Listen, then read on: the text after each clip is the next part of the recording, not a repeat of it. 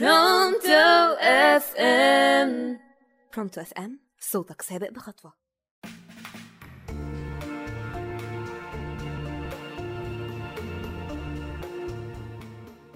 السلام عليكم ورحمة الله. معاكم آلاء عبد المنعم من برنامج شمعة على راديو برونتو اف ام هكمل معاكم الكلام عن التربية الإيجابية. وكنا وقفنا عند رابع مهارة من مهارات المربي الإيجابي. خامس مهارة هي تنمية المهارات الحياتية. فالمربي هو الذي يستطيع تنمية هذه المهارات عند الأبناء. الاعتماد على النفس مهارة التفكير الصور الإيجابية التي يرسمها الطفل عن نفسه الانطلاق والمبادرة الإصرار والمثابرة وهذه مهارات موجودة بالفطرة عند الطفل. كالطفل اللحوح في طلب شيء يريده وهذه المهارة تسمى الإصرار أو الطفل كثير الأسئلة. هذه مهارة القدرة على التعلم والفضول. دعوا أبناءكم ينطلقون يصرون يعتمدون على أنفسهم. فإذا انطلق الابن في شيء يضر أمنه وسلامته وصحته أو يضر بالآخرين فأوقفوه. حاولوا أن تستمتعوا بأصوات أطفالكم ببكائهم بأسئلتهم. تدربوا على ذلك حتى لا تؤذونهم وتدمروا فطرتهم. سادس مهارة إدارة السلوك بالتحفيز الإيجابي. عليك أن تظهر لأبنائك كم أنت فخور بهم لفعلهم أشياء جيدة أن تذكرهم يوميا بالإيجابيات التي فعلوها فعليك ألا تغضب منهم أبدا. أخبرهم بخطئهم إذا أخطأوا ولكن لكونهم مواظبين على الصلاة وعلى مذاكرة دروسهم فإنك ستتغافل هذه المرة. حاول أن تركز على الأفعال الجيدة التي يقومون بها أكثر من بحثك عن السلبيات التي قد يقعون فيها. سابع مهارة. الإيجابية في الحياة. فالإيجابية هي التفاؤل. حسن الظن بالله. التسامح. الإيجابية تكون في الحياة كلها ليس مع الأبناء فقط. وكما قال رسول الله صلى الله عليه وسلم من أصبح منكم آمنا في سربه أي بيته أو نفسه معافا في جسده عنده قوت يومه فكأنما حيزت له الدنيا.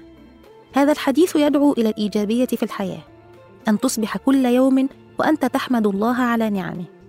فنحن لدينا من الإيجابيات والنعم ما لا يعد ولا يحصى. فعندما تركز على الإيجابيات الموجودة في حياتك بعدها ستركز على أن أبنائك هم أصل الإيجابية في الحياة. فأبناؤك نعمة من الله سبحانه. هبة. زينة الحياة الدنيا. ثامن مهارة. عش وفق مبادئك.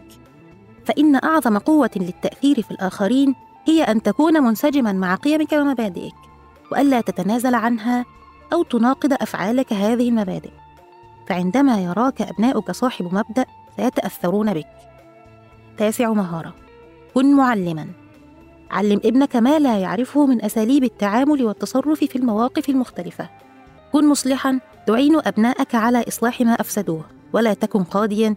تحاكم وتدير أبنائك المهارة العاشرة والأخيرة. كن سندا. أبناؤك ينشؤون يخطئون يتعثرون. مد يدك إليهم ساعدهم وادعمهم. ثالثا التربية الإيجابية كممارسات أو صفات. هناك ستة سمات أو خصال تميز المربي الإيجابي. أولا الاحترام. فالاحترام هو أصعب سمة وأصعب شيء في التربية. فإذا احترمت أبنائك فسيسهل عليك باقي السمات إن شاء الله. واحد الاحترام هو أن تتقبل أولادك كما هم فأنت لا تشترط أن يكون ابنك بمواصفات محددة. هو هدية من الله سبحانه اقبلها كما هي. فلا تقل له أنت مقبول إذا أنت مرفوض لو لأنك عندما اثنان. هذا يعني أن عليك أن تفصل سلوك أبنائك عن أبنائك أنفسهم.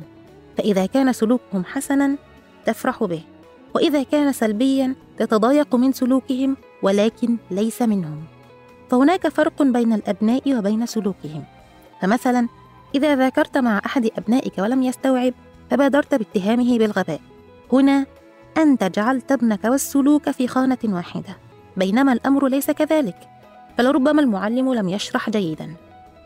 ثلاثة عامل ابنك كما يريد هو أن يعامل وليس كما تريد أنت أن تعامل.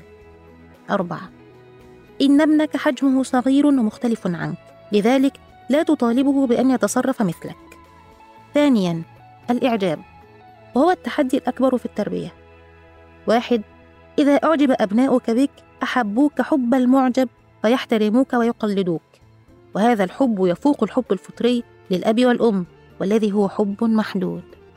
إذا لم يعجب أبناؤك بك فسيبحثون عن أشخاص يعجبون بهم. أما إذا أعجبوا بك اتخذوك قدوة وقلدوك وتبنوا قيمك ومبادئك. اثنان أن تعبر عن إعجابك بما هو حسن بأبنائك كل يوم عندما يلتزمون بالصلاة أو يهتمون بدروسهم أو يتعاونون. ثالثا الحب غير المشروط.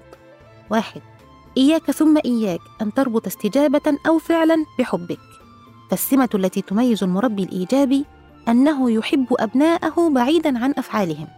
وإذا كانوا خلوقين عبر لهم عن فرحتك بهم وبأفعالهم الحسنة. فكل المشاعر يمكن ربطها بالأفعال إلا الحب فهو قيمة ذاتية عند الإنسان. كنت معاكم آلاء عبد المنعم. استنونا في الحلقات الجاية.